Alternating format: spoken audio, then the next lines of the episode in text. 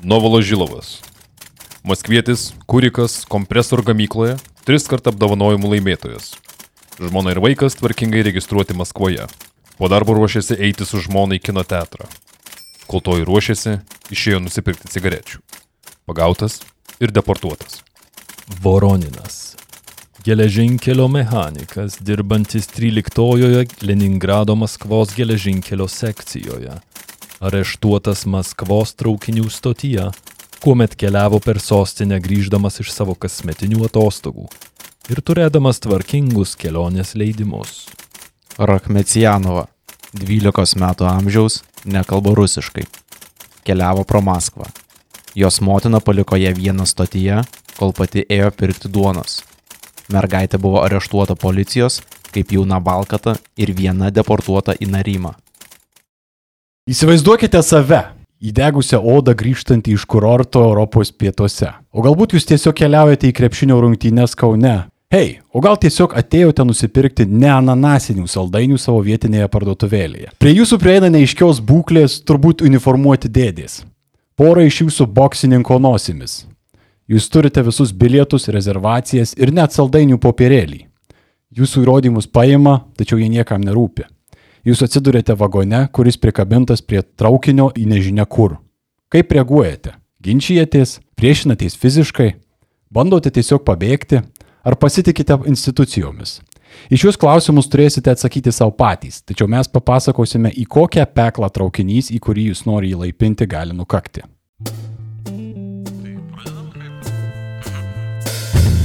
Kraujas, ugnis, brutalizacija, pasaulio paslaptys. Čia proto pemza.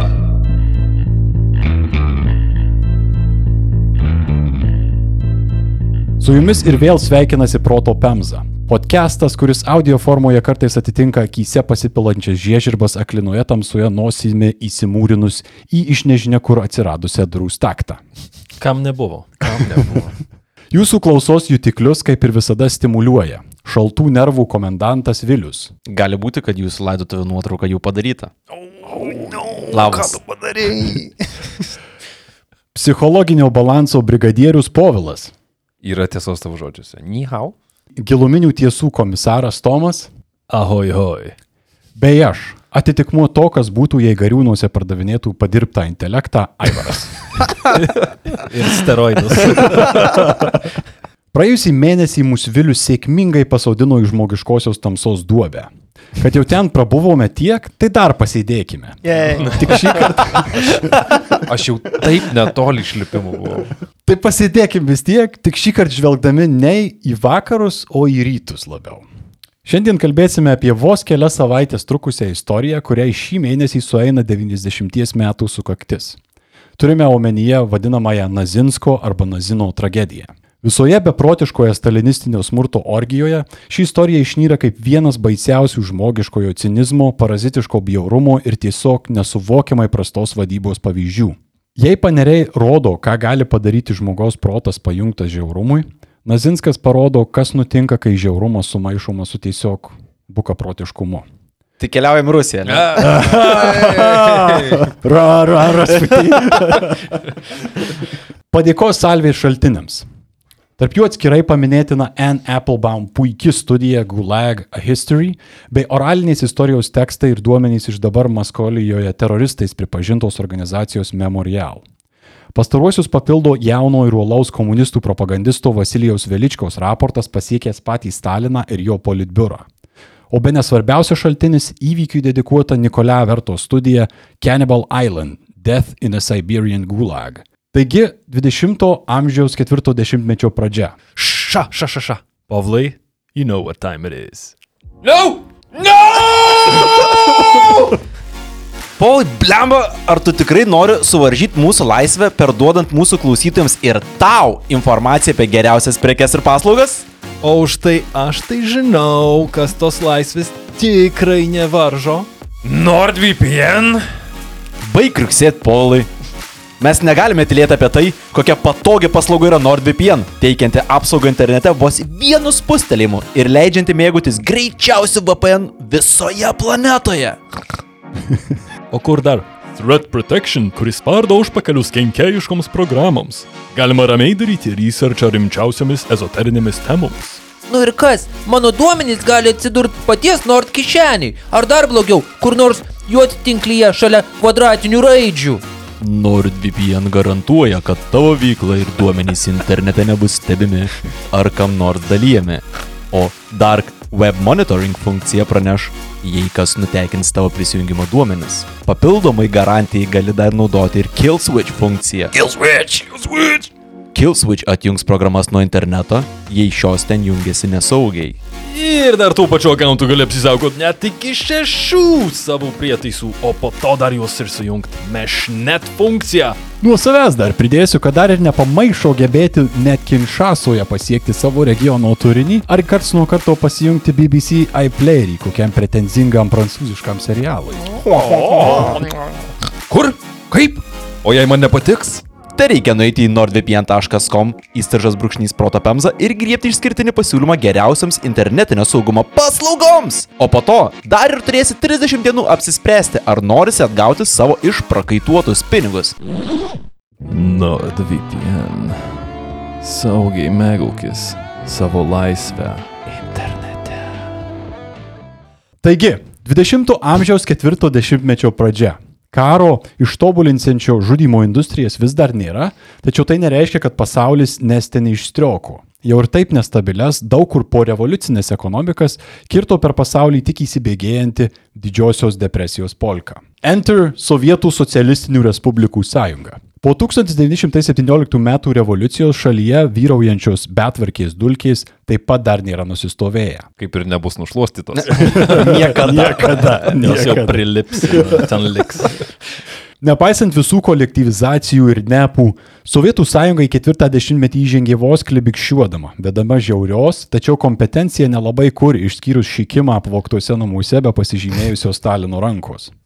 Aš žinau, ką tai reiškia. Ta prasme, žinau, ką jis darė, o ne. Jo, nes čia. Kol nepasakė šitą, nesujungiau galvą. Tačiau penkmečio planus vis tiek reikėjo ne tik pildyti, tačiau ir perspjauti. Nuo to kentėjo ne kas kitas, o žmonės, kurių interesus įsitvirtinęs bolševikinis režimas atsiai turėjo saugoti - darbininkus ir kaimų gyventojus paprastus. Labiausiai, daug, daugiausiai apsaugos gavę Taip. žmonės visoje Sovietų sąjungoje. Viso istorijoje. Visoje viso istorijoje. Pastarieji vargo be protų, tačiau sovietų atsakas buvo toks pat bukas kaip mano gebėjimas šmaikščiai atsikirsti sulaukus kritikos. Spausti dirbančiuosius dar labiau. Čia įžengėme į 1932 metus. Sovietų sąjungos pasigrobtos teritorijos sunkiamos iki paskutinių syvų. Jau kurį laiką prastėja metų derliai ir toliau rieda dugna. Ypatingai stiprūs pavojaus signalai atėjo ne iš kur kitur, o iš politinio darinio duonos krepšių laikytų Ukrainos ir Šiaurės Kaukazo teritorijų. Situacija buvo kraupi. Žmonės vis dažniau buvo priversti nusukinėti dalį savo derliaus tam, kad galėtų ne tik patys išmesti, tačiau ir kad turėtų ką sodinti kitais metais, nes reikėjo atidavinėti net sėjai skirtą del- derlių vien tam, kad būtų išpildytos kvotos. O tai kaip jie galvojo, kad veikia ūkininkavimas? Čia, kai sakai galvojo, va, Yra prielaida. Klaidinga prielaida. Ar sovietai pradėjo ieškoti išradingų padėties gerinimo mechanizmų? Ne. Sušvelnino kvotas, pakoregavo penkmečio planus? Ne, ne ir dar kartą ne. Jos atsakas buvo toks pat bukas kaip ir mano regėjimas.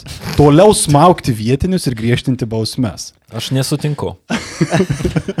Sovietai mažino kenčiančiųjų skaičių. O, galvok už dėžės ribų, Tom, net jeigu ta dėžė yra karstas, bet vis tiek. Valstybinis smurtas pasiekė tokį mastą, kad net sistemai dirbantiems kartais atrodė, kad tas smurtas tiesiog laipsniškai praranda prasme. Štai jau 1933 m. vasario mėnesį minimas atvejis, kuomet tokio Balačiovo kalėjimo Volgos regione pareigūnai atgal į netoli Elano kaimą išsiuntė 78 nuteistuosius. Priežastis - perpildyti kalėjimai. Dar didesnis absurdas buvo tai, kad iš tų 78 net 48 žmonės buvo jaunesni nei 10 metų amžiaus vaikai. O, wow. Taip. Bado numarinti gyventojai po kurio laiko jau net nebebijojo kalėjimų ar išmetimo iš kolhozo, kas šiaip turėtų būti baisiausia mm. bausmė. Jie net patys pradėjo prašytis būti deportuojami iš savo gyvenamųjų regionų, nes juose tiesiog nebebuvo įmanoma gyventi. 1933 metais pradėjo daugėti masinio bado atvejų, nes tiesiog nebuvo tvarkomasi. Tačiau sovietams svarbiau buvo pasidžiaugti, kad oficialios penkmečio kvotos buvo įvykdytos per keturis metus ir tris mėnesius. Čia Nice. buvo konferencija vyko panašiu metu, kur jie visi labai džiaugiasi. High five'ina. Jo, visiškai. Beviltiškoje padėtyje esantys paprasti žmonės pradėjo plūsti į didžiuosius sąjungos miestus, tikėdamiesi, kad industriniuose šalies centruose rasis kiek geresnių ne tiek pragyvenimo, kiek tiesiog išgyvenimo galimybių. Maskvoje ir tuometinėme Leningrade Tai Sankt Peterburgė dabartiniam darbo prašantys ir ieškantys skurdų žmonės tapo vis dažnesniu reiškiniu. O tai tuo pat metu skatino ir jau seniai ten besisukančius banditus, tikrus banditus bei huliganus kaitinti visą socialinę situaciją. O sovietams tai reiškia, kad į miestus tiesiog plūsta kabutėse parazitai, deklasifikuoti elementai ir kiti nepageidaujamieji, kuriuos reikia kažkaip suvaldyti nuo tobulų socialistinių miestų uh, veido gadinimo.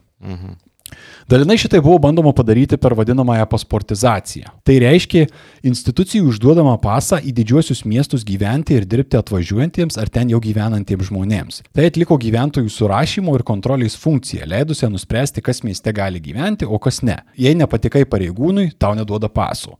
Negavęs paso, tu turi dingti per šimtą kilometrų nuo miesto kažkur į regionus arba būti pasiruošęs būti suimtu. Dingus į regioną reikia gauti pasą, kad ten apsigyventi? Ne, ten buvo a, išskirti didieji miestai, didieji industriniai centrai, tai pradžiai buvo tik vis tik tai Maskva ir Leningradas ir jie, nu, buvo ten tokie okrugai vadinami sukurti, tokius kaip ir apskritys, kur aplink tą miestą labai bandė kontroliuoti, nes tiesiog per daug žmonių pradėjo lysti tenais, paskui jų daugiau atsirado. Pati kontrolė ir, ir žmonių toks perrinkimas ir registravimas buvo užtikrinta kartais tiesiog reidais turgavietėse ir kitose viešose vietose, tikrinant piliečių dokumentus.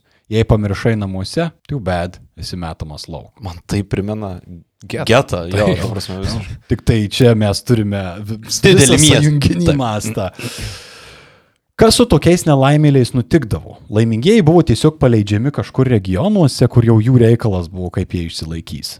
Mažiau sėkmės turintys buvo siunčiami į darbo stovyklas visą šalį apimančioje Gulago sistemoje, tuo metu dar tik besivystančioje. Gulago sistema toje formoje, kurią žinome mes, tai darbo stovyklos, pati savyje nusipelno atskiro epizodų ciklo. Bet kaip pasakoja Vertas, neretai yra pamirštama, kad buvo iš esmės dvi Gulago sistemos. Pirmąją jau minėjome, o štai antrasis arba antrinis gulagas referuoja į žmonės, kurie buvo vežami ne visai darbo stovyklas. Ketvirto dešimtmečio pradžioje sovietai, matydami kalinių kiekius baisinius, vis dar eksperimentavo ir ieškojo būdų, kaip šiuos panaudoti su mažiausiais kaštais valstybei. Socialistinė valstybė, bet logika kapitalistinė iki kaulo smegenų, ne? Mato, free real estate.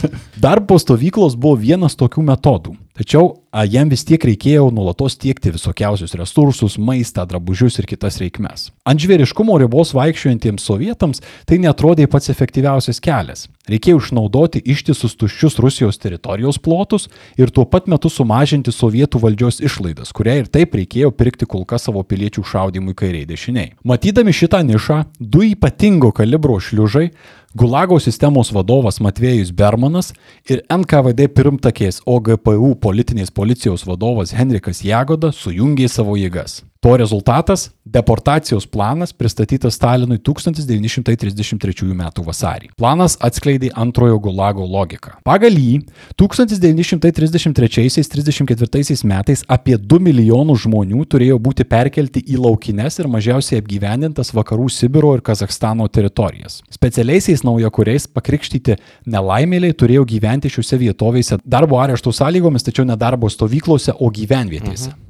Gyvenvietės turėjo įsikurti ne gyvenamose vietose, kuriuose šie darbininkai gavę minimalių resursų turėjo susiręsti kaimus, pradėti dirbti žemę. Ir tau duoda cuktuvą.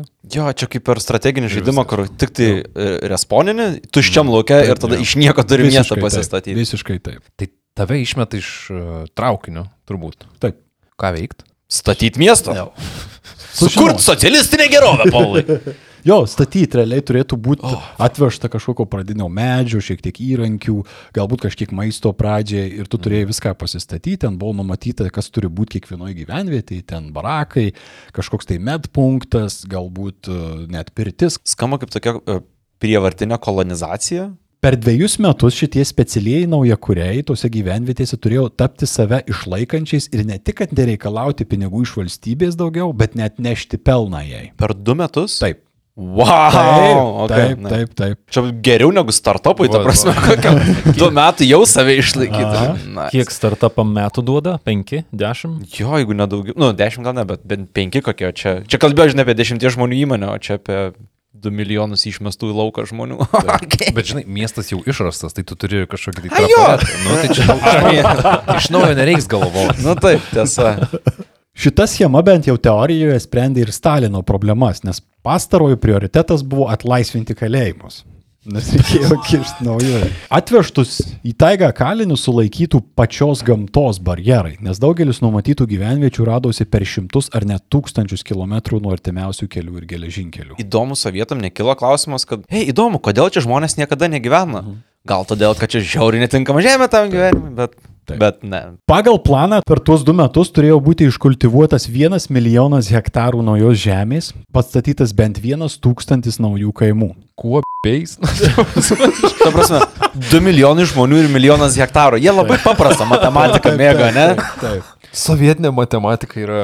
Aptik Amazing, apalus, jo. tik sveiki skaičiai. Visas projektas pagal pirminį planą turėjo atsieiti 1,4 milijardus tuometinių rublių. Labai sunku buvo aptikti Atitikmenis kažkoks. atitikmenis, nes tiesiog buvo visiškai crazy su valiuta tuo metu. Tačiau grubiai, bent jau mano tokius spėjimus suderinus kelius šaltinius, šiandien grubiai tai gali atitikti maždaug 32 milijardus JAV dolerių kurie turėjo ateiti iš tuzino vos save bevelkančios valstybės ministerijų. Suma buvo tokia beprotiška, kad pateikto projekto pabaigoje buvo paliktas prierašas. Šių piniginių išlaidų, konstrukcinių medžiagų, gyvulių, transporto priemonių ir maisto atsargų žmonėms bei galvijams suma yra tokia grandioziška, kad turi būti sukurtas specialus komitetas skirtas geriau apibrėžti kontingentų deportacijos ir įsikūrimo poreikius ir planus. Ok, tai prie plano yra Iš prierašas, karto. kad planas nėra labai realistiškas. Taip, ane? taip, Ok. Visiškai, visiškai. Taip. Kol kas solid. Jo. Solid. Evidence-based. Jo, Data driven labai. Čia jau svajonės lygiai pasiduota. jo. Nupie, prie nupiešto tilto parašyta, kad ne. ne nebus. Komitetai buvo išties sukurti.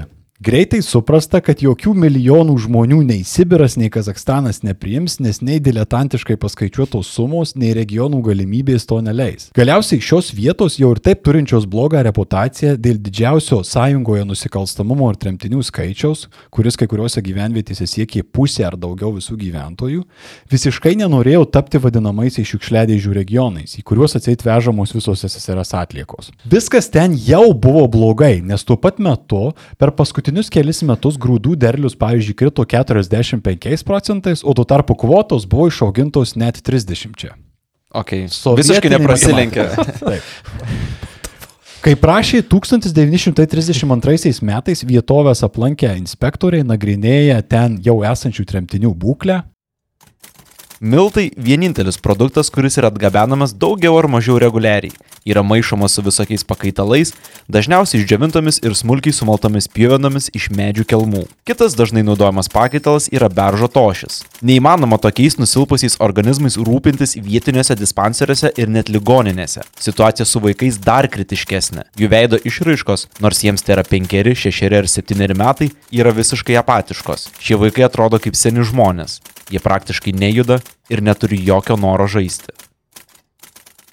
Po tokių raportų Bermano Jagodos planas sumažino būsimų tremtinių skaičių iki 1 milijono. Per pusę sumažinę kalinių skaičių jie biudžetą sumažino taip pat. Spėkit kiek.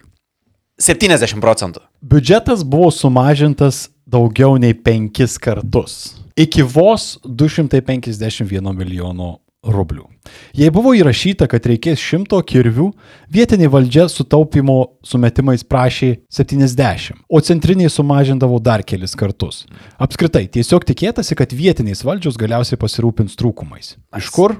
Manęs neklauskit. Tai iki žmonių, kad apskritai kažkas atkeliavo, yra stebuklas. Nu, čia vadinamas Russian trickle down economics. Aš taip sakyčiau. Atvirkštinė, tai inverted versija. Viso šio perplanavimo pagrindinis herojus buvo mums tikrai gerai pažįstamas aukščiausios prabos mėšlo kūgis vardu Večeslavas Molotovas. Smirda. Jo paties žodžiais nėra čia ko atskintis. Atvykstantys tremtiniai nesvarbu iš ko, bet patys turi pasidengti dalį savo pragyvenimo kaštų. Buvo tikima, kad su tokiu planu per porą metų pavyks kolonizuoti regioną, kurio pažaboti cariniam režimui nepavyko visus pusketvirto šimto metų. Čia žodis planas yra toks overstatement. Taip. Taip. Wow. Okay. Taip. Atrodo, tie komisarai kažkurio momentu tiesiog turėjo susigriepti. Mes paprasčiausiai per mažai iš žmonių reikalaujame. Jie turi tiek potencialo.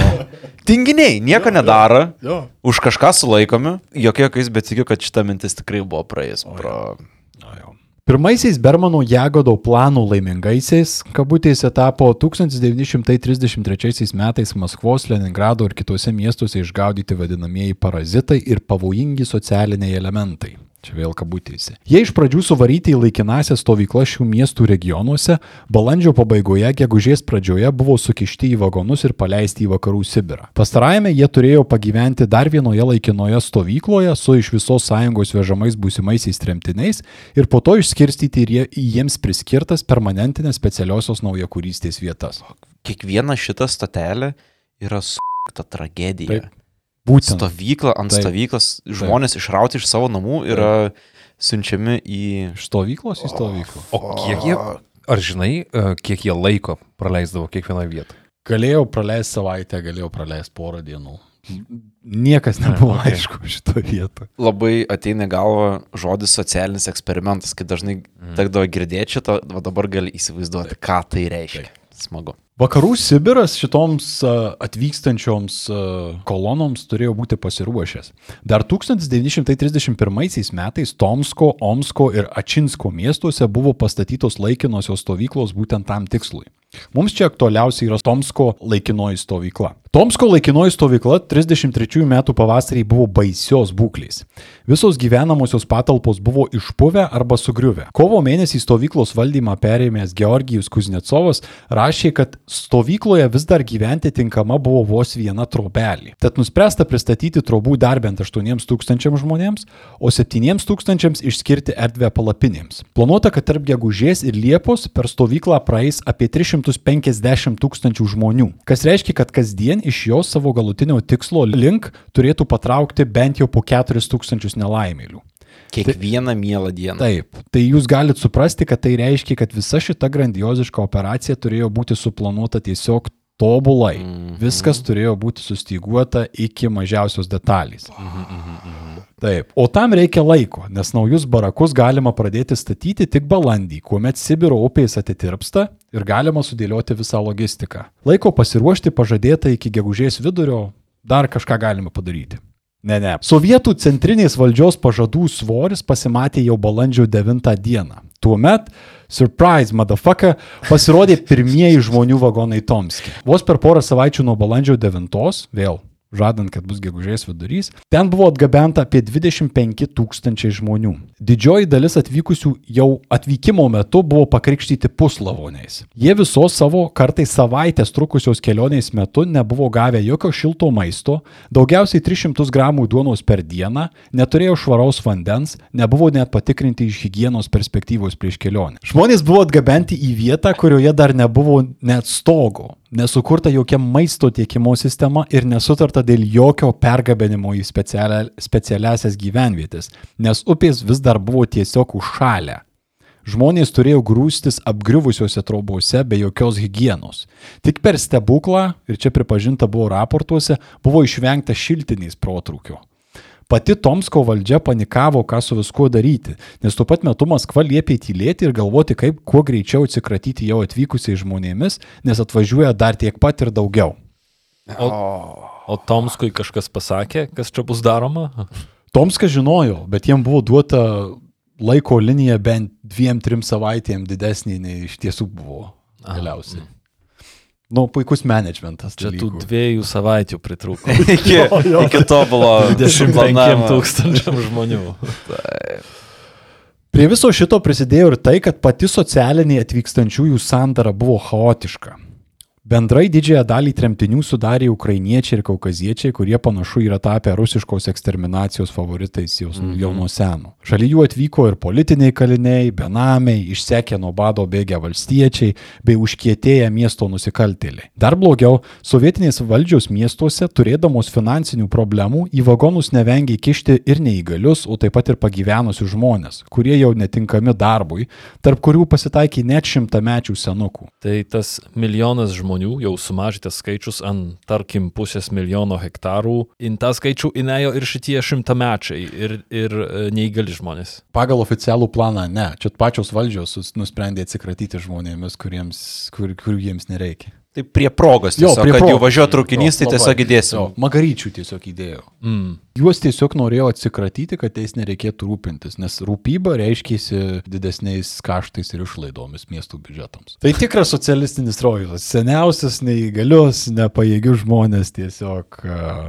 išdrėpti. Dalis buvo net atsiųsti neaišku dėl ko. Pareigūnai tiesiog pasirodydavo kokioje nors turgaus aikštėje, ją uždarydavo ir tiesiog iššukavę be rimtesnės patikros išsiųsdavo visus pagautus asmenis. O jie turėjo kažkokius skaičius, kuriuos turėjo įgyvendinti, kas Taip. irgi tiesiog tu turi Jo. tą dieną supakuoti 200 žmonių, neįgyvendini kvotos, eini į turgus, sulaikai 200 ir Jo, įgyvendini jo. kvotą.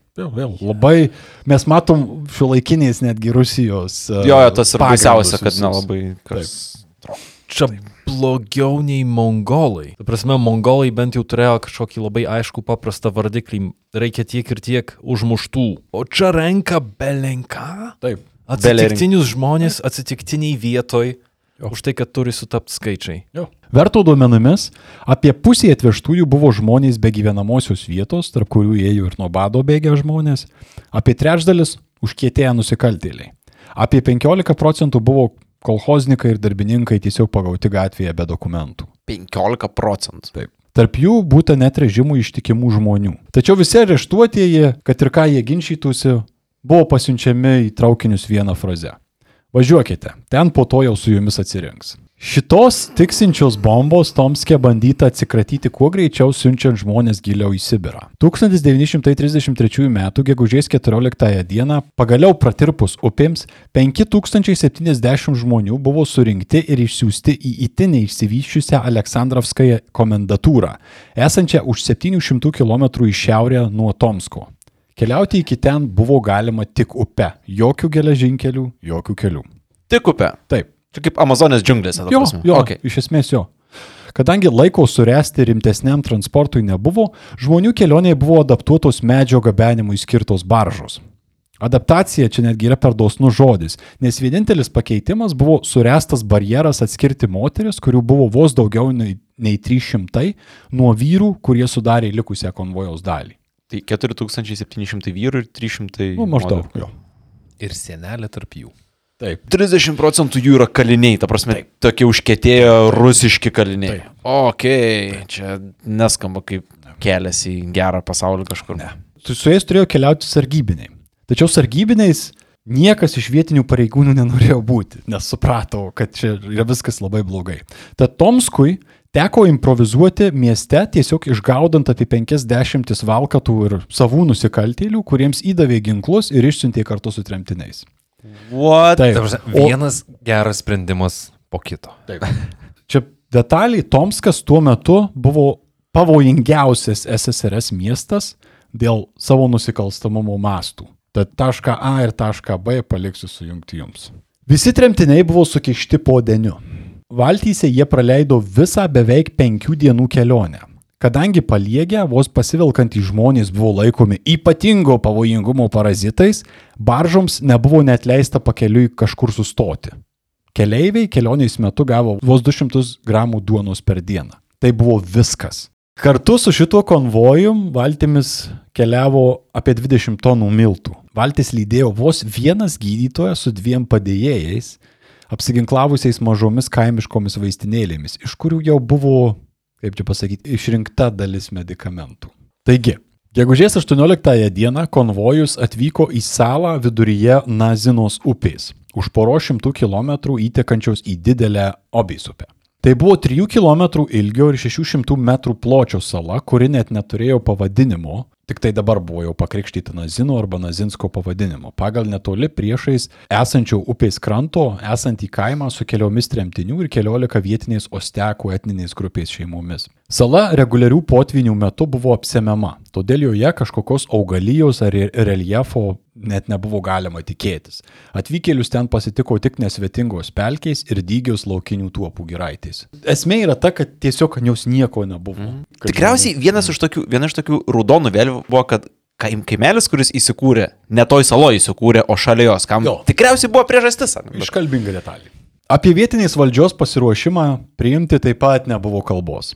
Aleksandrovskaja apskritis buvo labiausiai nutolusi nuo visų regiono centrų ir vadovaujama brutalaus keuliais Dmitrijaus Cipkovo, kuris buvo pagarsėjęs kaip traktuojantis tremtinius tiesiog kaip mėsą, kurią mėgo kartais ir pamedžioti vardant pramogos. Čia buvo labai įprasta praktika tuo metu. Turėti tremtinių safari? Jo, Rimtai? taip, taip. Okay.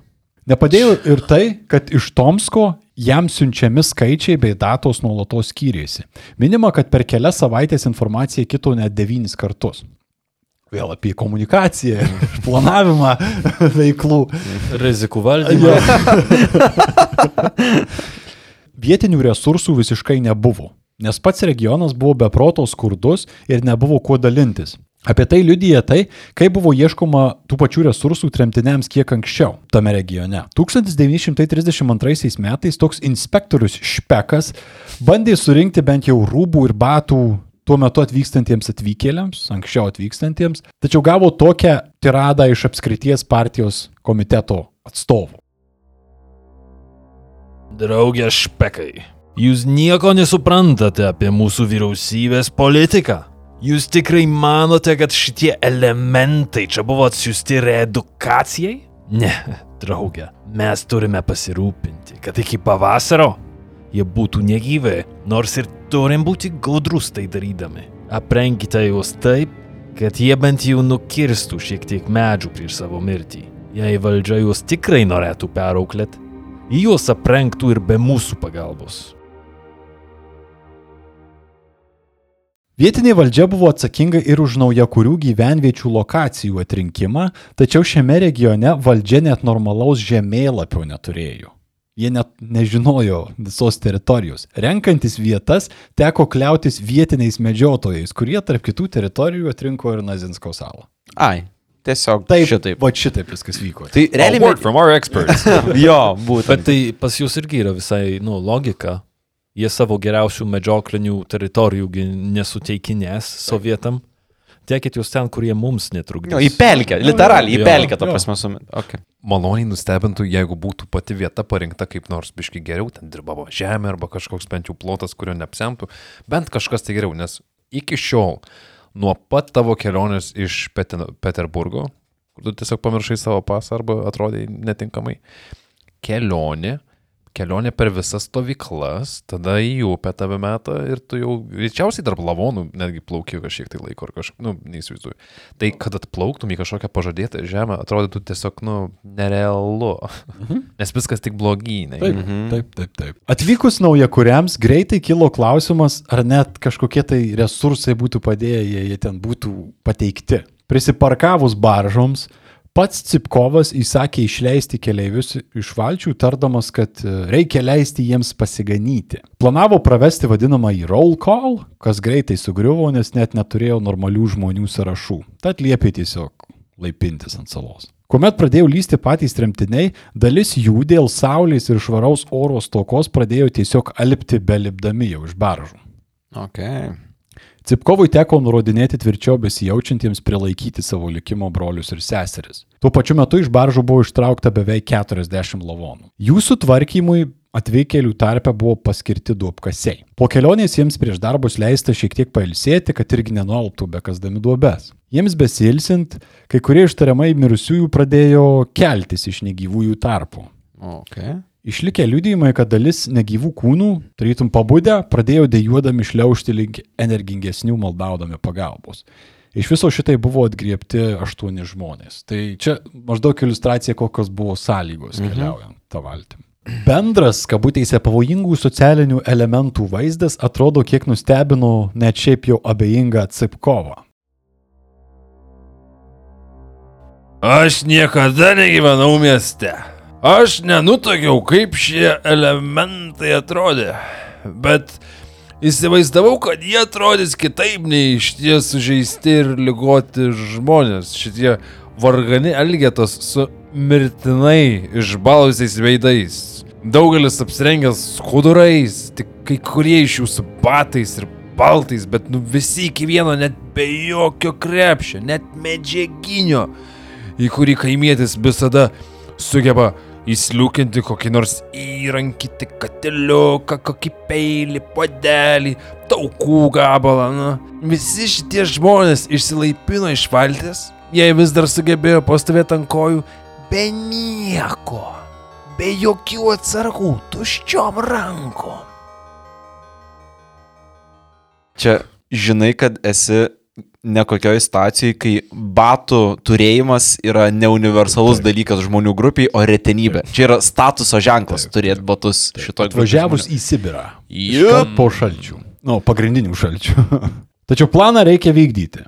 Išsilaipinus Cipkovas liepė iškrauti iš baržų miltus. Juos bekraunant, peralkę žmonės pradėjo muštis. Sargybiniai raminio juos šūviais, neapsėita be sužeidimų.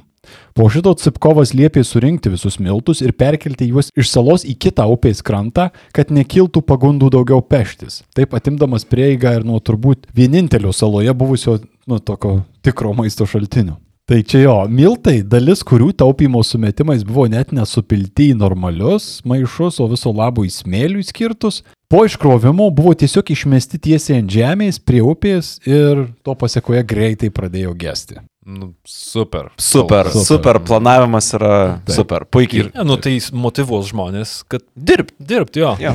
Greičiau dirbsi, anksčiau galėsi paimti maišus nuo kito upės kranto. Jo, jo. I mean, Vienintelis šios situacijos šviesulys buvo tas, kad gegužės 18 diena pasitaikė gana šilta ir saulė. Tai leido šiek tiek atsigauti. Nu, tai skamba juokingai, bet... Nu, A, ei, ačiū Stalinui. ta saulė, jo. Bent jau oras geras buvo. Neilgai. ok, nice. Naktį į gegužės 19 dieną pradėjo snigti ir smarkiai kristi temperatūra. Prisiminkite, kokie žmonės išlipo iš baržų. O kiek ten dabar žmonių? Apie 5000. Fuck. Taigos nematė, tinkamai neapsirengė ir jokių atsargų neturintys žmonės buvo beviltiškoje padėtyje. Kaip vėliau rašė Vasilijus Veličkas savo raporte, Sušalę jie sugebėjo tik deginti laužus, sėdėti, gulėti, miegoti prie ugnies, bastytis po salą ir valgyti visokias puvenas, medžių žievę, o ypač samonas. Kažin ar buvo galima daugiau ką veikti, laužai ir dūmai sklido po salą. kai kurie žmonės tą naktinį šaltį pergyveno ypač sunkiai. Fiksuotas atvejs, kaip vienas tremtinys įlipo į įdubą, kurioje buvo užkurtas laužas ir tiesiog sudegė ten gyvas, negalinčių padėti tremtinių akivaizdoje, nes nebuvo nei kopiečių, nei kirvių, nei kažkokiu kitų būdų ten jį ištraukti. Tai tiesiog ėjo šildytis ir nebeturėjo jėgų iš išeiti. Rytas išaušo sniego apdengtoje jau saloje. Mhm. Ta patį rytą Cipkovas bandė organizuoti maisto davinius, kuriuos sudarė vos keli šimtai gramų miltų. Vaizdas buvo liūdnas. Laimingiausiai ištiesė savo kailinės kepures, kiti batus ar paltus skvernus, o patys nelaimingiausiai neturėjo nieko, tik savo dvi rankas tam, kad gautų nustatytą kiekį. Idėja buvo turėti tvarkingą maisto dalinimo eilę, tačiau viskas aišku pavirto chaosu, nes žmonės tiesiog yra išbadėję. Dešimtys buvo sutrypti, o sargybiniai tiesiog į juos šaudė, nelabai ką suvaldydami iš tikrųjų. Cipkovas negalėjo tokios situacijos ignoruoti, tad sustabdė procesą, perdėliojo viską ir pasakė, nuo dabar maistą turėjau dalinti vadinamieji brigadieriai, gaunantys po 75 kg miltų, skirtų apdalinti 150 žmonių per dieną. Tikrai, tikrai, tikrai, tikrai nėra jokio interesų konflikto ar bandymo racionus pasilaikyti savo, net ar Planas veikė tik Cipkovo galvoje. Iš tiesų į situaciją tik pablogino, nes į didelę dalimi savanorystės pagrindų sukurtas brigadierių pozicijas išsyk sugužėjo visi iš ties užkietėję nusikaltėliai, neturintys didelės pagarboms kitiems. Tai reiškia, kad dalis žmonių apskritai negavo jokio maisto, kadangi brigadieriai ir nuo jų mažai besiskiriantys sargybiniai viską dalino taip, kaip norėjo jie patys. Šokiruojantis faktai. Visiškai.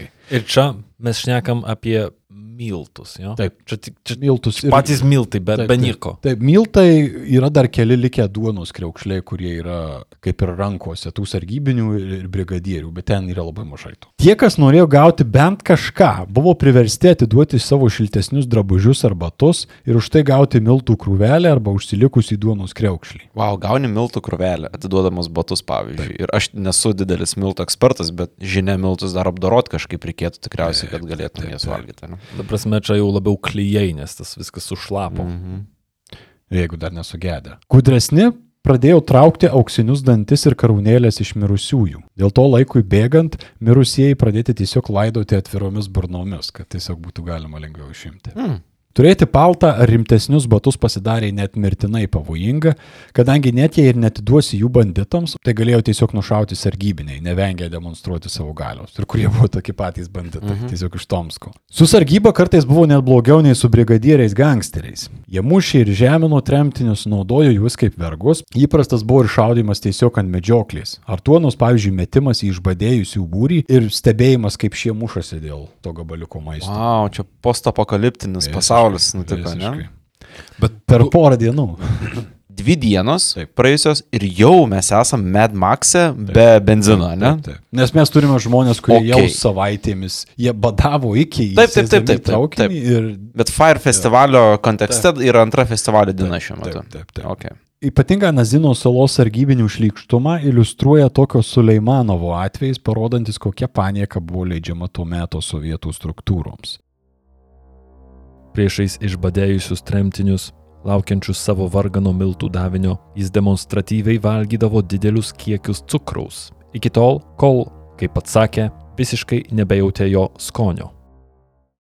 Kaip kalbėjom antram Androts panirių epizode, kad kiekvieną kartą, kai vyksta tokie baisus dalykai su žmonėm, visada atsiranda tų pagrindinių didžiausių suskių. Ši, vėlgi, šitaip elgtis nėra būtina. Tu gali turėti savo tą kažkokį davinį didesnį ir jį tiesiog turėti, bet reikia tyčiotis iš kitų, žemint, kankinti. Banditų ir sargybinių saugojosi net režimo stovyklai paskirti gydytojai, bijoja lysti iš savo palapinių. Įdomu, kodėl? Cipkovas iš pradžių bandė organizuoti porą tremtinių komandų, pastatyti primityves molio krosnis, bent jau duoną iš tų miltų išsikepti. Šitas ėjimas nepasiteisino. Žemė vis dar buvo sušalusi po paviršiumi, tad nu- nusilpę savanoriai nesugebėjo giliau ją prasikasti, o molis, kurį jiems pavykdavo rasti, buvo tiesiog per prastos kokybės. Cipkovai beliko ir vėl dėjuoti, koks jis apgautas jaučiasi, kad tremtiniai iš miestų nemoka nieko daryti. Mm, tai čia bėda. Taip, čia, čia tikrai yra bėda. Mieščionys, man. Jo, šitas argumentas visiškai. O, tai yra to didžiojo plano išvežti milijonų žmonių į dykvietės ir paversti tai civilizuotom vietom dalis. ane? Taip, čia yra tas okay. pavyzdinis atvejis. Ok, ok. Tai vyko. okay. Tada administracija bandė ieškoti kokių nors bent mažiausių resursų iš jau ir taip sunkiai gyvenančių apylinkių. Pavyko sukrapštyti vos kelias palapines, šiek tiek krekerių ir manų kruopų.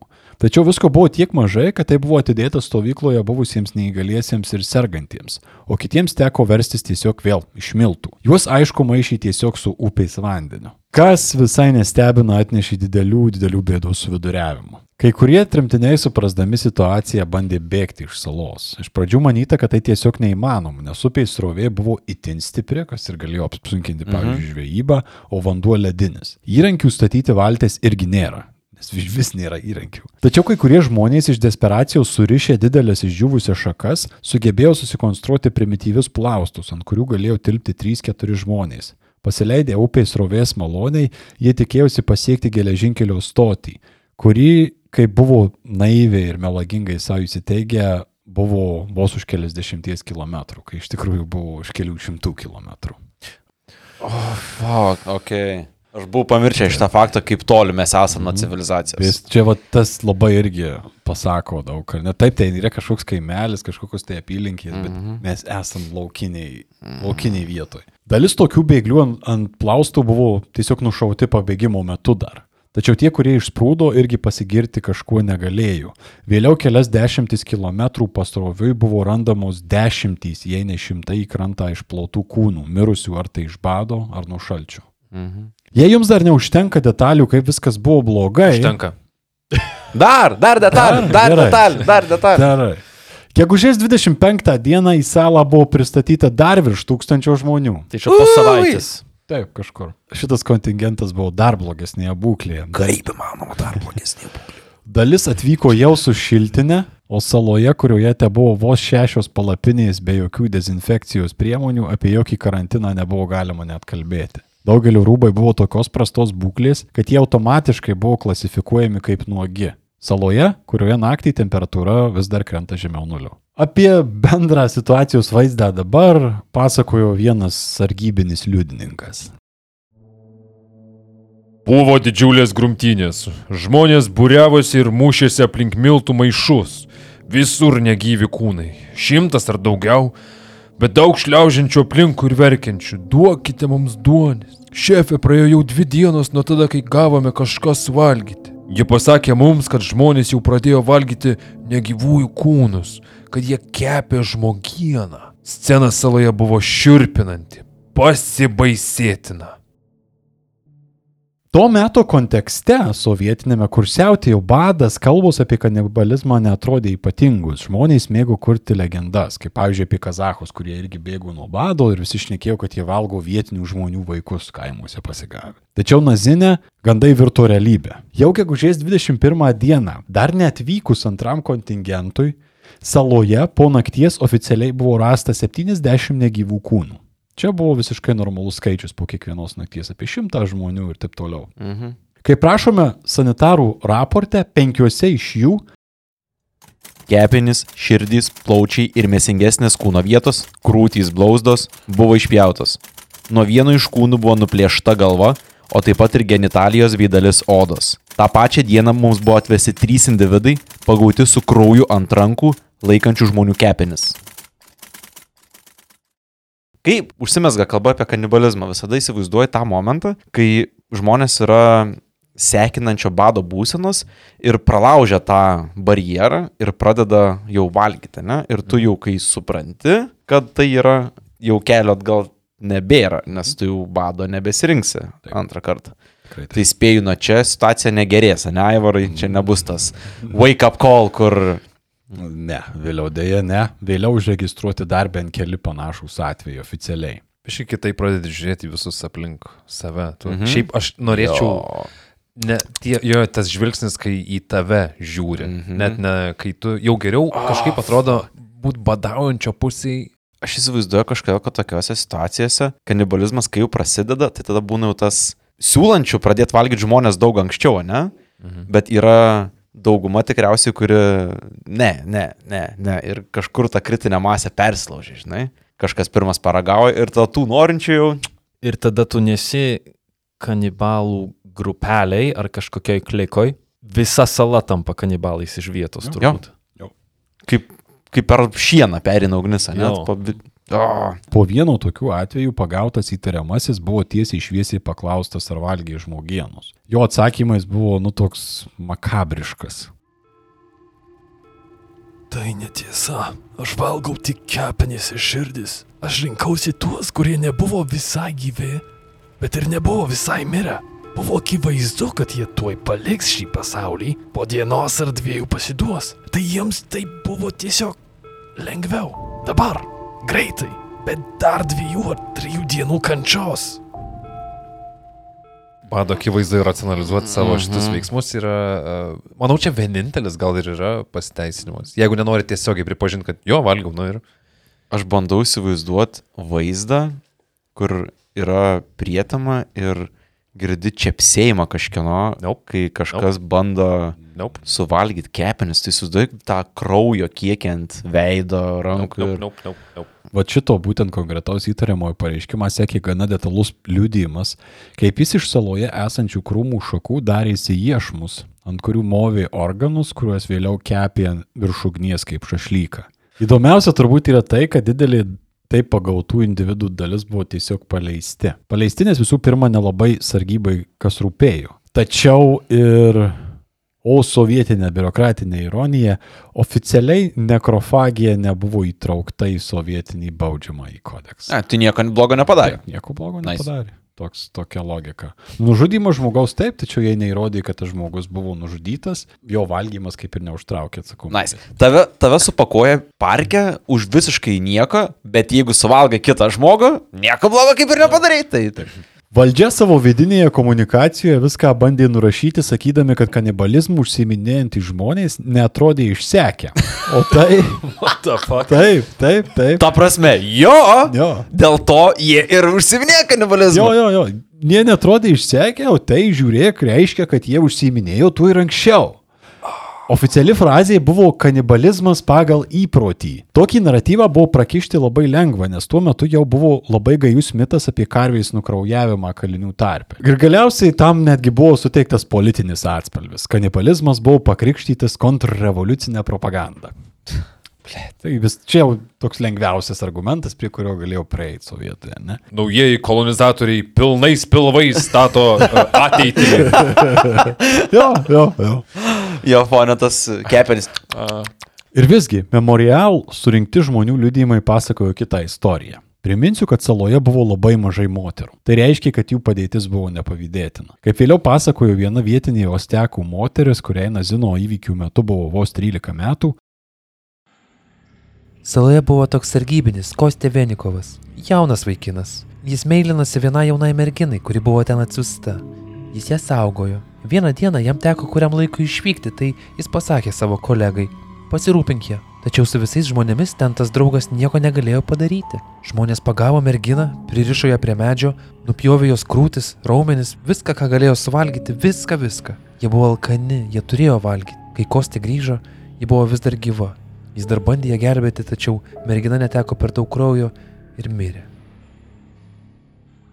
Tu pertrauka. Gerai, galim. Aš paskrolinsiu, kad nebematyčiau šitą tekstą niekada. Va.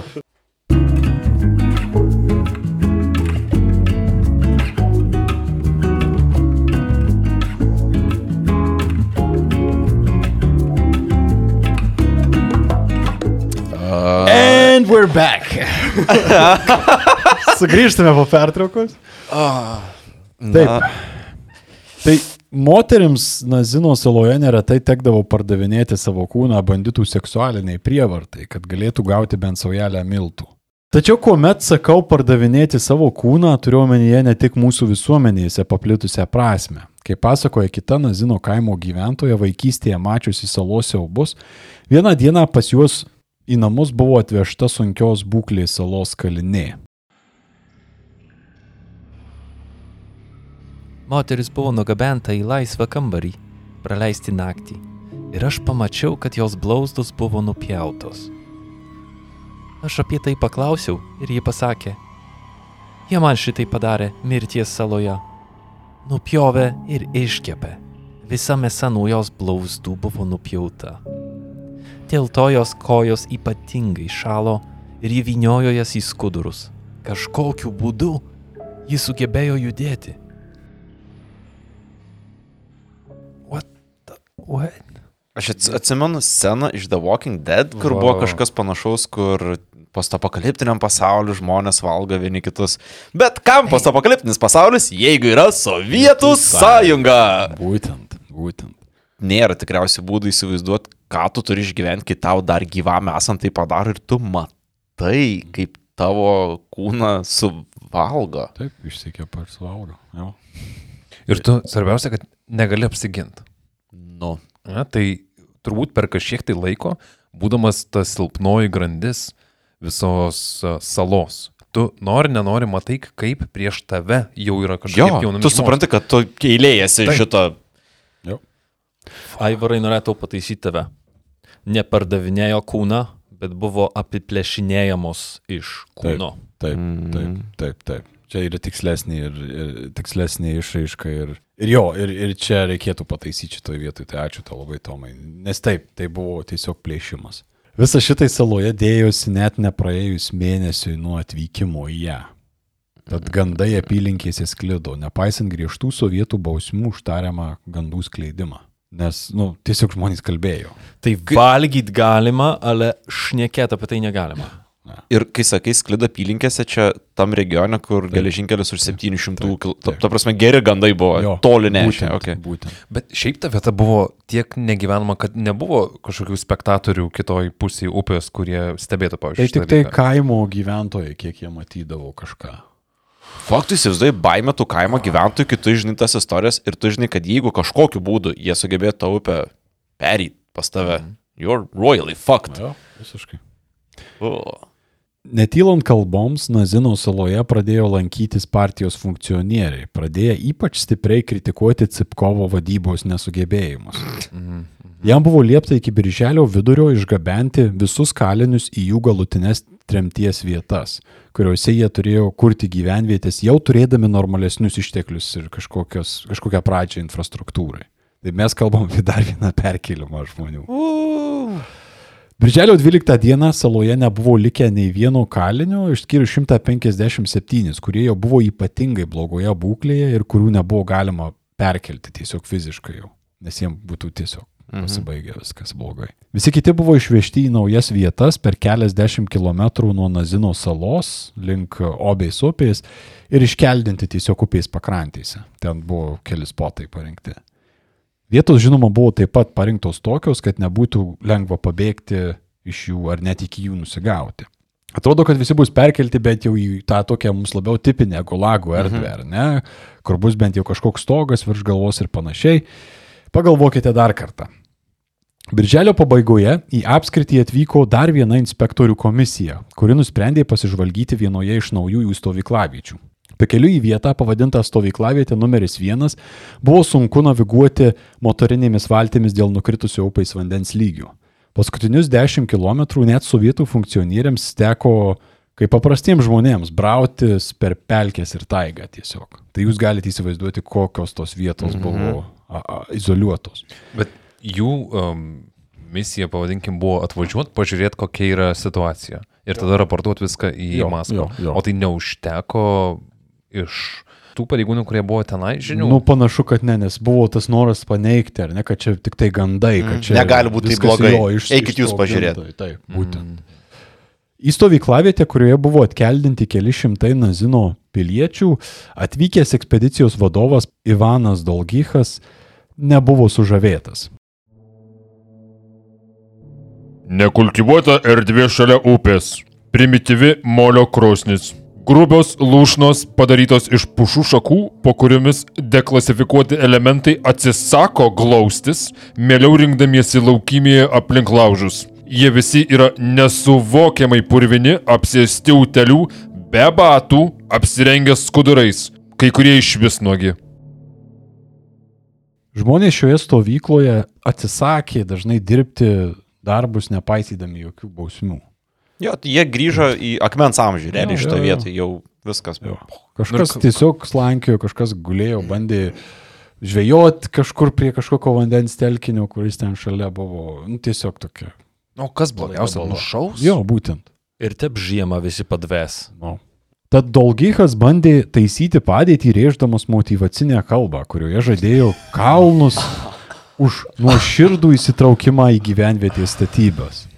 Tačiau žmonės buvo jau taip viskuo nusivylę, kad tiesiog vos ne choro atgal jam davė iškalbingus du sakinius. Jūs badu alinate liaudį. Na, o dabar mes valgome vienas kitą. Po tokio epizodo Dolgychas iškart atleido Cipkovą iš pareigų. Nes tai Nes, sutvarkys. Nes sukritikavo jo kalbą kažkas, va čia jau yra blogai. Žmonės nutarta dar kartą perkelti, šį kartą prie Obės ir Nazinos upių sankirtos. Ypatingai griežtai mobilizuojami resursai iš aplinkinių kolhozų, įsakoma padidinti ir maisto davinio kiekį dirbantiems žmonėms, kad nu, bent jau kažkokia motivacija atsirastų. Nustatomas tikslas iki sezono pabaigos iškultivuoti 500 hektarų žemės ir ją užsėti rugiais. Amazing yra, kad Vis jie dar kažką taip, nori, taip, taip, taip, taip. Nu, gerai, padarysim, bet mažiau. Turi žmonės, kurie literaliai yra alinami paskutinius, nežinau, Kur kanibalizmas yra jų buvęs etapas pas Jo, juos. Tai, taip. jo, jie tikrai eis dirbti. Postkanibalistinė visuomenė. Jo. jo. Bet taip atvažiuoji, pamatai, kad jie vieni kitus valgo ir, nu gerai, 500 hektarų. Čia yra tavo su kaž... situacijos pašvelninimas. Ir... Labai ryštingas projektų vadovas yra. Taip, taip, taip. Mes didinam supovusių miltų klijų davinį iki 400 gramų per Jo, dvi dienas. Viskas vardan jūsų produktivumo. Mhm. Tai aišku ir vėl čia buvo gausybė logistinių ir žmonių srautų problemų. Pavyzdžiui, minimas atvejis, kaip iš e, 78 dar kartą keliamų žmonių valtyje išgyveno vos 12 e, ir atplaukė iki, iki galutinio taško. Tačiau visas procesas, kad ir kaip tai keistai nuskambės, ėjosi kiek sėkmingiau nei praėję visi. Na, kartelė nėra labai aukštai Būtent, užkelta. Būtent. Liepos mėnesį buvo sukurti toj naujoj vietoje ir šiokie tokie infrastruktūros požymiai, buvo pastatyti šiokie tokie barakai, pirtis, dar porą pastatų, nu tai bent jau kažkas pradeda klyjuotis tenais. Valdžia tai darė, žinoma, ir, ir pušino, norėdama kuo greičiau užglaistyti visus pasakojimus apie Naziną ir paslėpti tai nuo pačių aukščiausių valdžios sluoksnių. Čia nebuvo didelis rūpestis tai žmonėm. Bet nekompetencijos, nu, tokios nekompetencijos nepaslėpsi net sovietiniai sistemai. Panašiu metu ten apsilankė jaunas instruktorius propagandistas Vasilijus Velička, aplankęs ne tik pačią Nazino salą, bet ir vėlesnė, vėlesnės naujas gyvenvietės. Ir jis parašė raportą. Jo ataskaita buvo stebėtinai atvira. Atvažiavęs paneigti visų tariamų mitų apie situaciją regione, jis pamatęs tokį blogą vaizdą, atsiliepė visgi į savo sąžinę ir atreportavo viską be, manau, didesnių pagražinimų, bent jau mano nuomonė, nes man nu, teko skaityti tą, tą raportą. Rizikuodamas ne tik savo kailiu, bet ir galvą, jis savo 20 puslapių raportą išsiuntė ne kam kitam, o pačiam Stalinui, kuris perskaitęs okay. juo pasidalino ir su savo politbiuru. Jūs tokį tiesioginį ryšį turėjo. Čia toks kaž- svarbus. Geras veikėjas. klausimas, man irgi šitas kilo klausimas, bet jis kažkokiu būdu sugebėjo dasiųsti iki jo. Gal kad jis dirbo tam propagandiniam aparate jis turėjo mm. kažkokių tai būdų prieiti prie to, nežinau. Politbiuras savo ruoštų, neturėdamas kur dėtis, 33 metų rugsėjį suorganizavo savo tyrimo komisiją. Dar vieną mm. komisiją. Nu tikrai negali tai būti. Mes sakom, tikrai negali tai būti. Ai, čia dar gal uh, nebuvo balkonų Sovietų sąjungoje, nes Velička turbūt būtų iškritęs netyčia. Pastaroji, nuvykusi į vis dar egzistuojančias gyvenvietės, savo akimis įsitikino, kad vietinių organų siunčiamos ataskaitos buvo visiškas melas. Kaip teigiama paskutinėje komisijos ataskaitoje apie minėtas stovyklavietės, Lūšnos yra pusiau užkastos. Stogas padarytas iš šakų, pro kurias pila rudeninis lietus. Jokių langų. Viduje paliečių eilės, ant kurių labai mažai sausos žolės, atstojančios antkladas.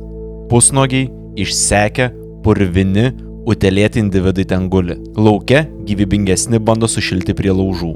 Mes taip pat nuėjome į lūšnas, kuriuose buvo sugrūsti žmonės sergantys dizenterija, tuberkuliozę, skorbutų, sifiliu, o taip pat ir visiškai išsekę individai. Jie visi gulėjo ant palečių, pridengti žole, kuri savaitę nebuvo keičiama ir nuo kurios klido grasus mėšlo tvaikas. Suskaičiavome apie 800 prie lovų prirakintų individų.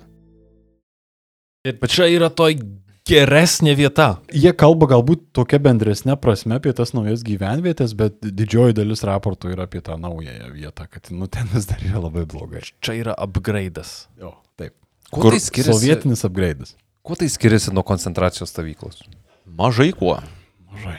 Bent jau tuo, ką žmonėms reikia išgirsti. Čia, ta prasme, jeigu rašo ir 800 žmonių prirakintų prie lovų, tai Lovų. jo, prie palečių, tų, tų vadinamų, žmonės tvarto sąlygom, blogiau negu tvarto sąlygom. Čia nebė, jie nebėra žmonės, ta prasme, ne, kurie mes suprantam, ką reiškia tikriausiai būti žmogum. Čia yra visiška mizerija. Taip. Visiška, kiek įmanoma labiausiai. Taip. O tie, kurie turėtų atvažiuoti ir kažkuo pasirūpinti, pasirūpina tik tai parašyti raportą. Jo, jo, bet būtent šitas irgi visada yra raportai, raportai, raportai, bet veiksmo jokio nesįimama konkretaus. Kažkokia situacija kaip iš The Road buvo ta scena, kur atidaro sandėlį ir randa žmonės laikomus ant pašaro vos ne. Tose gyvenvietėse vos keli žmonės dažniausiai būdavo darbingos formos, o, pavyzdžiui, viso to rezultatas va toje naujoje gyvenvietėje yra vos vienas hektaras iškultivuoto žemės iš 500. Vat būtent tas irgi įdomu, tie pajėgų žmonės šitoje situacijoje, kas jie yra ir kodėl jie yra pajėgus dar realiai.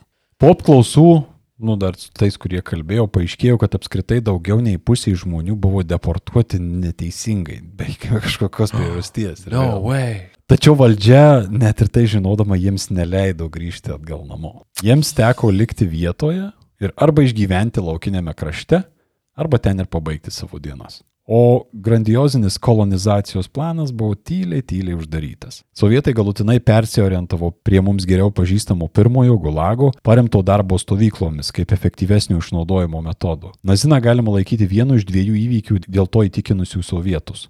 Koks kitas paklausite, prisijunkite kitą savaitę prie mūsų idėjų komposto epizodo Contribui platformoje ir sužinosit. Deja, bet negaliu čia pateikti kažko daugiau nei tokio antiklimaktiško išrišimo, atspindinčio visą šitos istorijos liūdėsi. Net duomenys apie aukas buvo tokie netikslus, kad iki šiol net nežinomi tikslus daugelio į Naziną ir į stovyklavietės po jo papuolusių žmonių vardai ir galutiniai likimai. Apie tai liudyja ir širpūs vietiniai pasakojimai. Nazino saloje auganti žolė buvo žmogaus ūgio. Vietiniai ten dažnai lyzdavo rinkti uogų.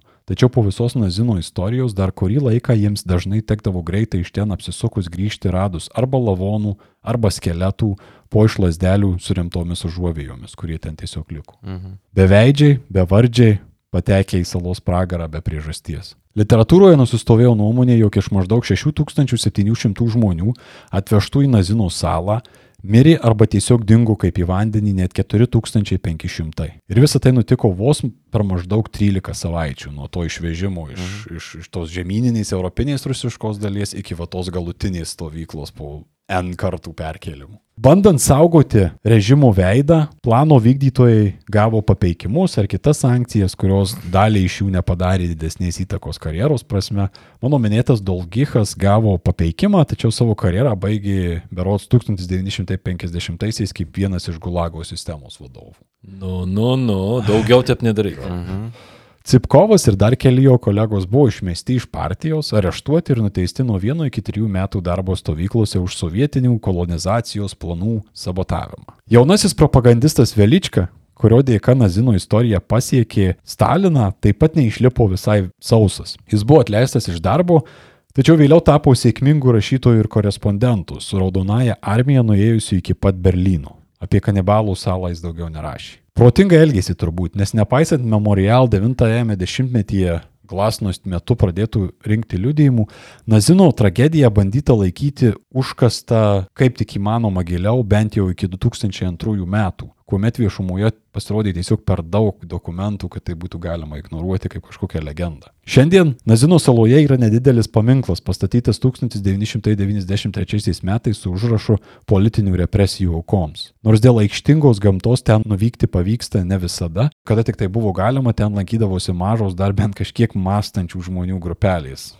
iš pačios Rusijos. Klausimas tik tai, ar šitai vyksta dabar, kai 2023 metais Rusija pilnai pasirinko fašistinį kelią ir stalinizmo visą šlovinimą ir taip toliau ir panašiai. Bet kuriuo atveju Nazino istorija yra įtin baisus priminimas. Skaitant šaltinius nekartą teko aptikti priežodį, kad Nazino saloje žmonės nustojo būti žmonėmis ir pavirto į šakalus. Nazinas buvo decivilizacijos vieta. Visų pirma materialiai, kalbant apie resursus, tačiau ir žmogiškai. Toje vietoje tarpusavio santykiai tarp žmonių transformavosi į kalbą, kurios pagrindinė forma buvo smurtas. Nazinė, tariamai valanti ir civilizuojanti socialinė inžinierija, iškilo kaip visokiausius kultūrinius ir fizinius archaizmus skatinanti erdvė. Ir būtent čia yra pagrindinė vinis, nes Nazino tragedija tikrąją to žodžio prasme atspindėjo stalinistinės tikrovės viziją kaip visumą. Vizija, kuri kai kurių žmonių lygoistose vaizduotėse iki šiol yra išlikusi kaip kažkas nostalgiško, kaip kažkas, ką galima pakartoti. Tad šiais tamsiais laikais kalbėjimas apie Naziną bent kruopelę padės mums nukrypti nuo tokių lyguistų halucinacijų, jau savaime kalbėti apie tai yra verta. Kiek dar epizodų reikės pasakyti ačiū, bet ne ačiū. Nes vėl mes atėjom, susirinkom, manėm linksmai praleisim laiką. ir dabar aš turiu per daug visokių minčių. Atrodo, kai kurios tragedijos tokia taip kaip tamsioji menulio pusė Sovietų Sąjungos, kur aš nežinojau, daug kas nežinojo. Bet nežinoti tai nereiškia, kad nebuvo. Mes ne Sovietų Sąjunga, kad e, nepavykusių projektų sakytume, kad ne, mes net nedarėm šito. Jo, reikia suprasti, kad šitai, kas nutiko, yra pagrindas toms vizijoms, kurios yra formuojamos aplink tą šalį uh, rytuose šiai dienai. Ir tie žmonės, kurie bando grįžti į tą šlovės laiką, jie iš, ties, iš tiesų bando sugrįžti vat, prie tokių yeah. Pamatų visos sistemos. Man sunkiai suvokiami tokie dalykai, bet tada uždedi Sovietų Sąjungos filtrą ir supranti, kad... Ai, ai, ai okay, su, supratau. Soviet Union. Impossible is nothing. nu, vad būtent. Just do it! ir taip, nužmogint visą tą epopėją nuo pat pirmų akordų Sankt Peterburgos ir kituose miestuose iki pat Nacino, galėtume sakyti, salos. Yra, nu, visų pirma, visiška nesąmonė prieš žmonės tuos, visiška nesąmonė prieš uh, visus kitus, iš vis humaniškus kažkokius tai uh, humaniškas uh, šalis, tai kad kažkas ilgėtųsi šito vėžio, man yra nesuprantama. Tai ačiū tau už istoriją, bet ne ačiū kartu. Nu, žinok, negalvojau, kad kažkada šitą pasakysiu, bet davai gal grįžtam prie tų sarinių žudikų. Jei trumpai pakomentuoti, tai fui. Bet nežinau, kas yra įspūdingiau. Ar tas, kad valstybei, kurioj trūko visko nuo kastuvų iki sveiko proto minimalių apraiškų, sugebėjo iškast dar gilesnę beprotybės duobę, ar tas, kad vis dėlto tokioj, atokioj vidury Sibiro kažkur šita istorija vis dėlto mus pasiekė ir kad galim iš vis apie tai šnekėti. Nesvarbu, kiek buranų jie išsiuntė į kosminę erdvę. Nei vieno. Ai, nei vieno. Nei vieno. Bet tai nebuvo abs absoliučiai šito verta, jeigu mes turėjom va, tokius mm. absurdiškus planus ir Nazino salą. Šitą istoriją yra, trumpai tariant, Tarybų sąjungos kvintesencija. Bardakas, protų nesuvokiama nekompetencija ir absoliuti panieka žmogiškumui. Aš tai gal pasakysiu Ačiū, Aivar, tiesiog. Man tai patinka tokias istorijas, iš tikrųjų. Uh, Niekinga kančia ir niekinga žmonių mirtis, bet visa šita nekompetencijos mišrainė atrodo yra lydima Benny Hillo muzikėlės, nepaisant to, kad žmonės dafiga kenčia ir miršta mm. pakeliui. Bet yra tai blogai, kad absurdiška daros ir tas mm. absurdas kelia juoką jau. Aš, aš nežinau, kiekviena, kiekvienas žingsnis yra toks kreivesnis už buvusi prieš tai, kad net jį norėtum sufeilinti taip spektakuliariai nežinau, ar pavyktų. Kiekvieną kartą, kai girdžiu apie tokias istorijas, suprantu, kad tai yra tik tai viena iš istorijų, kurią mes žinom. Ir yra tikriausiai šimtai kitų istorijų. Su siaubu, skausmu, su totaliu nesiskaitimu, su bet kokiu žmogiškumu. Bet gerai tas istorijas žinot, nežinau, uh, kai jas pamiršti, tada panaikini visiškai kažkokią prasme tų žmonių. Tai turbūt uh, neviniosim daugiau į matą klausytojai. Šiaip apie Sovietų sąjungą parašyti, visą Jo. laiką laukiam. Jo, už, užfladinkit komentarais YouTube ir Spotify pat gerai už, užstumdami ant Tarybų sąjungos. Taip, Tai- padėkit mums sukovoti su žmonėm, kurie bando sakyti kitaip. Pa papasakokit, ką jūs galvojate apie Sovietų sąjungą. Jo. Nepagailėkit, mes necenzuruosim. Taip, taip. Ypač kadangi šis mėnuo taip pat yra ir prisiminimas mūsų tremtinių. Taip. Sekit mūsų socialiniai medijoje, rašykit komentarus, jeigu ką, tai protopemza etagmail.com, Ateikit pas Tomą į profilį. kažneka Lenkija. Ten bent jau supratom paskutiniam savaitėm, kad ten irgi dalykai pokšė, kaip Nu. reikiant. Nu, labas rytas. Turbūt susitiksime su jumis tie, kas mus remiate Contribui platformoje kitą savaitę. o- Arba Wikipedijoje. arba Wikipedijoje. O po poros savaičių susitiksime naujame epizode ir tikėkime, kad a, Povilas bus tas, kuris duos kopiečius išsi, išsikapanoti iš daubos. Tai iki visiems. Viso gero. Iki. Dėkui. Viso. O pabaigai dideliausias, dideliausias, dideliausias ačiū be ananasų a, mūsų didiesiems kontribūrėmėjams. Ką tu darai? Valkim savo eilės. O kiek iš tų, kuriuos skaitysi, Aš turiu savo platformą dabar pasireikšti. Duokit Gerai. man žodį! Man žodį. Žodžio Gausi ananasinį saldainį, ne? Dideliausią ačiū tariame. Rasai, Emon Zemon, Tomui, Renatai, Irmantui, Albinui, Dariušui, Žiedūniai, Ernestai, Tautvydui, Doviliai, Augustai, Sandrai, Ingai, Simui, Osvaldui, Gabijai, Aušrai, Tomui, Jurgitai, Terry Kay, Ir Braideriui. Aušriniai, Antei Meridian, Marko, Nerijui, Linsei, Giedriui, Robertai, Ernestai, Monikai, Voltaire Punk, Semui G, Mantui Kul, Mindaugui, Simonai, Rūtai, Gerdukai, Andriui, Vaidui, Persivaliui, Justui, Linui, Brigitai, Marijai, Nastiušai, Arvidui, Barbelicious, Sauliui, Arūnui, Edvinui, ne šiaip Indrei, Dianai, Medoniui, Akviliai, Rasai, Ufonautui, Jolitai, Vygai, Gretai, Giedriai, Rūtai, Tomui, Gabrieliui, Benui, Rolandui, Tadui, Justinui, Domantui, Jovitai, Eirimei, Ainui, Dominykui, Andriui, Mikui, Evelinai, Kūgiui Mūgiui, Gediminui, Dominikai, Simui, Egliai, Justinui, Kunigundai, Venskūnaitei, Auritai, Šarūnui, Jūriai, Linai, Stepan, Arminui, Lauritai, Pauliui, Meškiui, Mariui,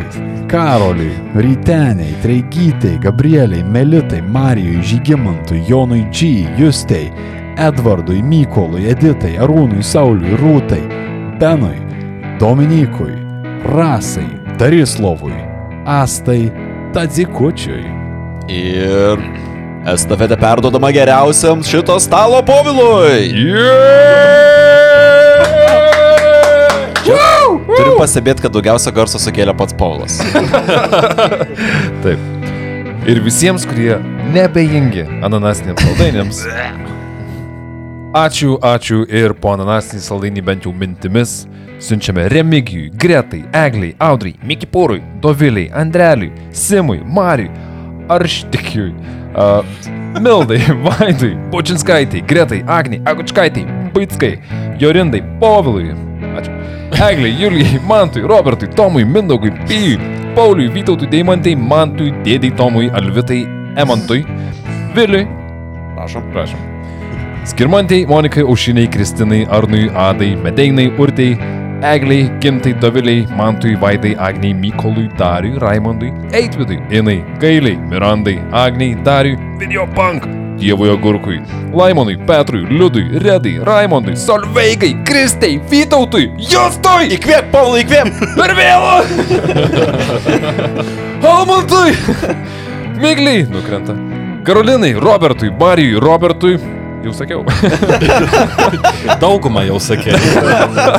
Palauk, aš iš atminties varau. Supranti, kaip sunku. Nu.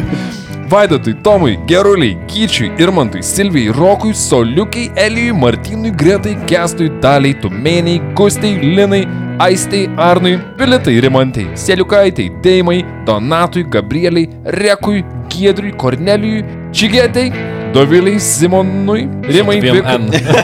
Simonijui. Taip, ten riestinis buvo. Simonui. Simoniui. Uh, Vikai, Benui, Antropikui, Lukui, Jėvai, Viliui. Atrodo, kad aš aukštyn ir žemyn. Viliui, ačiū vėl tau. Matui, Gretai, Mr. Mindaugui, Eimantui, Astai. Ugniai apspėjau kostas. Tiek daug meilės mūsų kontribukam.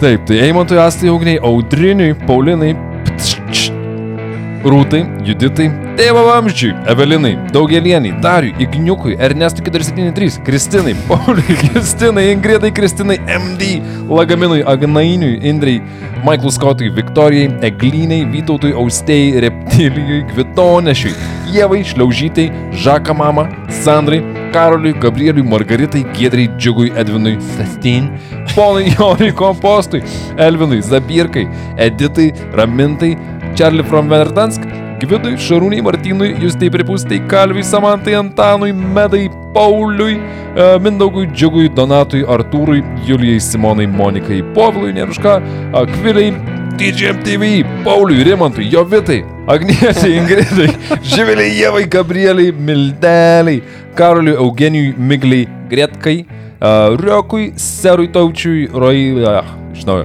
Reinaldui, Rokui, Simonai, Gabrieliui, Kiprui ir Domantui. Skausmo analai. Sovietinis bardakas ir kanibalai. O, Ar drebančiam rankom Tomai rašiai šitą? Laižau lūpas visą laiką. Negorkink. Ačiū. Mindaugui Robertui Didui? Didus bus vėl. Bėga aikštelę kaip ir praeitą kartą. Didusui. Didusui B. Zombie Unicornui, Juozui Arnoldui, Sigitui, Vnrčkui, Tomui Vaidotui, Medžiui, Betonburniai vagonetiai, Jogėliai, Almai, Davidui, Tadui, Rimai, Romualdui, Laurinui, Meidžio Tomui, Laurinavičiui, Donatui, Migliai, Pisimantui, Makštučiui, Juozui, Erikai, Erikai, Markui, Gretei, Čiharai, Linai, Max Galingumui, Martynui, Agniai, Renatai, Kamiliai, Gretai, Brigitai, Barškalui, Gerdai, Lautrinui, getting old, man. Ievai Štrimaitai, Viktorija Sum, Ingridai Mantui, Paulikui, Ugniai, Vaidui, Nikštukų fabrikėliui, Neringai, Eiviliai, Orintai, Evaldui, Juliui, Arūnai, Neringai, Goblinui, Almantui, Inesai, Liochai, Linai, Daivai, Baronui, Birut, Birutei, Birutei, Viktorijai, Pauliui, Eimantui, Davidui, Astai, Kamiliai, Pikabuzabu, Deimantai, Laimonas Vil, Eks... Nu? Eksibo. Eksibo. Darui Marui Benediktui. Čia vienas vardas. bu- Mantusui Kristinai Doviliai. Įdomas Jybų. Ir Hulinarai.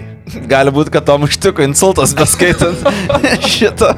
Uh, oi, mėly klausytojai, e, šį nuostabų trečiadienio vakarą, bet 2012 vakarą. Šį saldžiausią ačiū, tokį pat saldų kaip saldžiausias ananasinis saldainis. Neįsižeiskit. Siunčiame. Siunčiame. Justinai, Pemetrai, Tulpaitai, Duonats, Ui, Ugniui, Linisui, Dominikui, Dainorai, Retai Julijai, Duke Silver, Kristinai, Artūrui, Erikui, Dianai, Tomasinui, Tomui, Mičigo, Ui, Eglė 3 su nupieštų medaliu, Erikai, Kuoraitai, čia nepavardėjau, du atskiri žmonės, Giedriui, Radzvilai, Dietlavo meškutėms, Radžvilai? Radzvilai, rad, yra Radzvila, tai Radzvilai. Iš Dzukijos.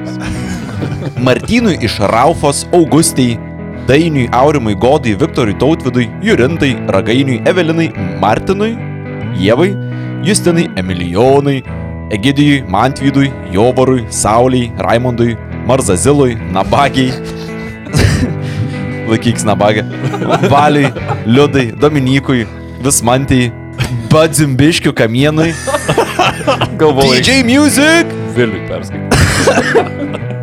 Domantui, Pelėdžiukams, Vilmai, Simonui, Monikai. Jūs tais vardai. Katablankai su katablankiukais, Arūniai, Neringai, Mildai, Bohia Maironiai. Bohia Maironis parašyta. Mairuonis. Bohia Maironiui. Karoč, Efkai, Audriai ir Gražvėliai. Yeah. Ačiū Jums visiems labai. Ačiū. Susitiksime kitais kartais. Buvo Middelfarto. Liūdim. Gediš. Middelfart, miestas dar. Proto Pemza Gedi. Sugrįžk pažiūrės? Sugrįžk Middelfart. Hashtag sugrįžk Middelfart. Kas iki dabar paklausit, prašau pakomentuokit hashtag sugrįžk Middelfart, kad žinotume, kad tokių yra. Ačiū. Aš pakomentuoju. Ai, Iki.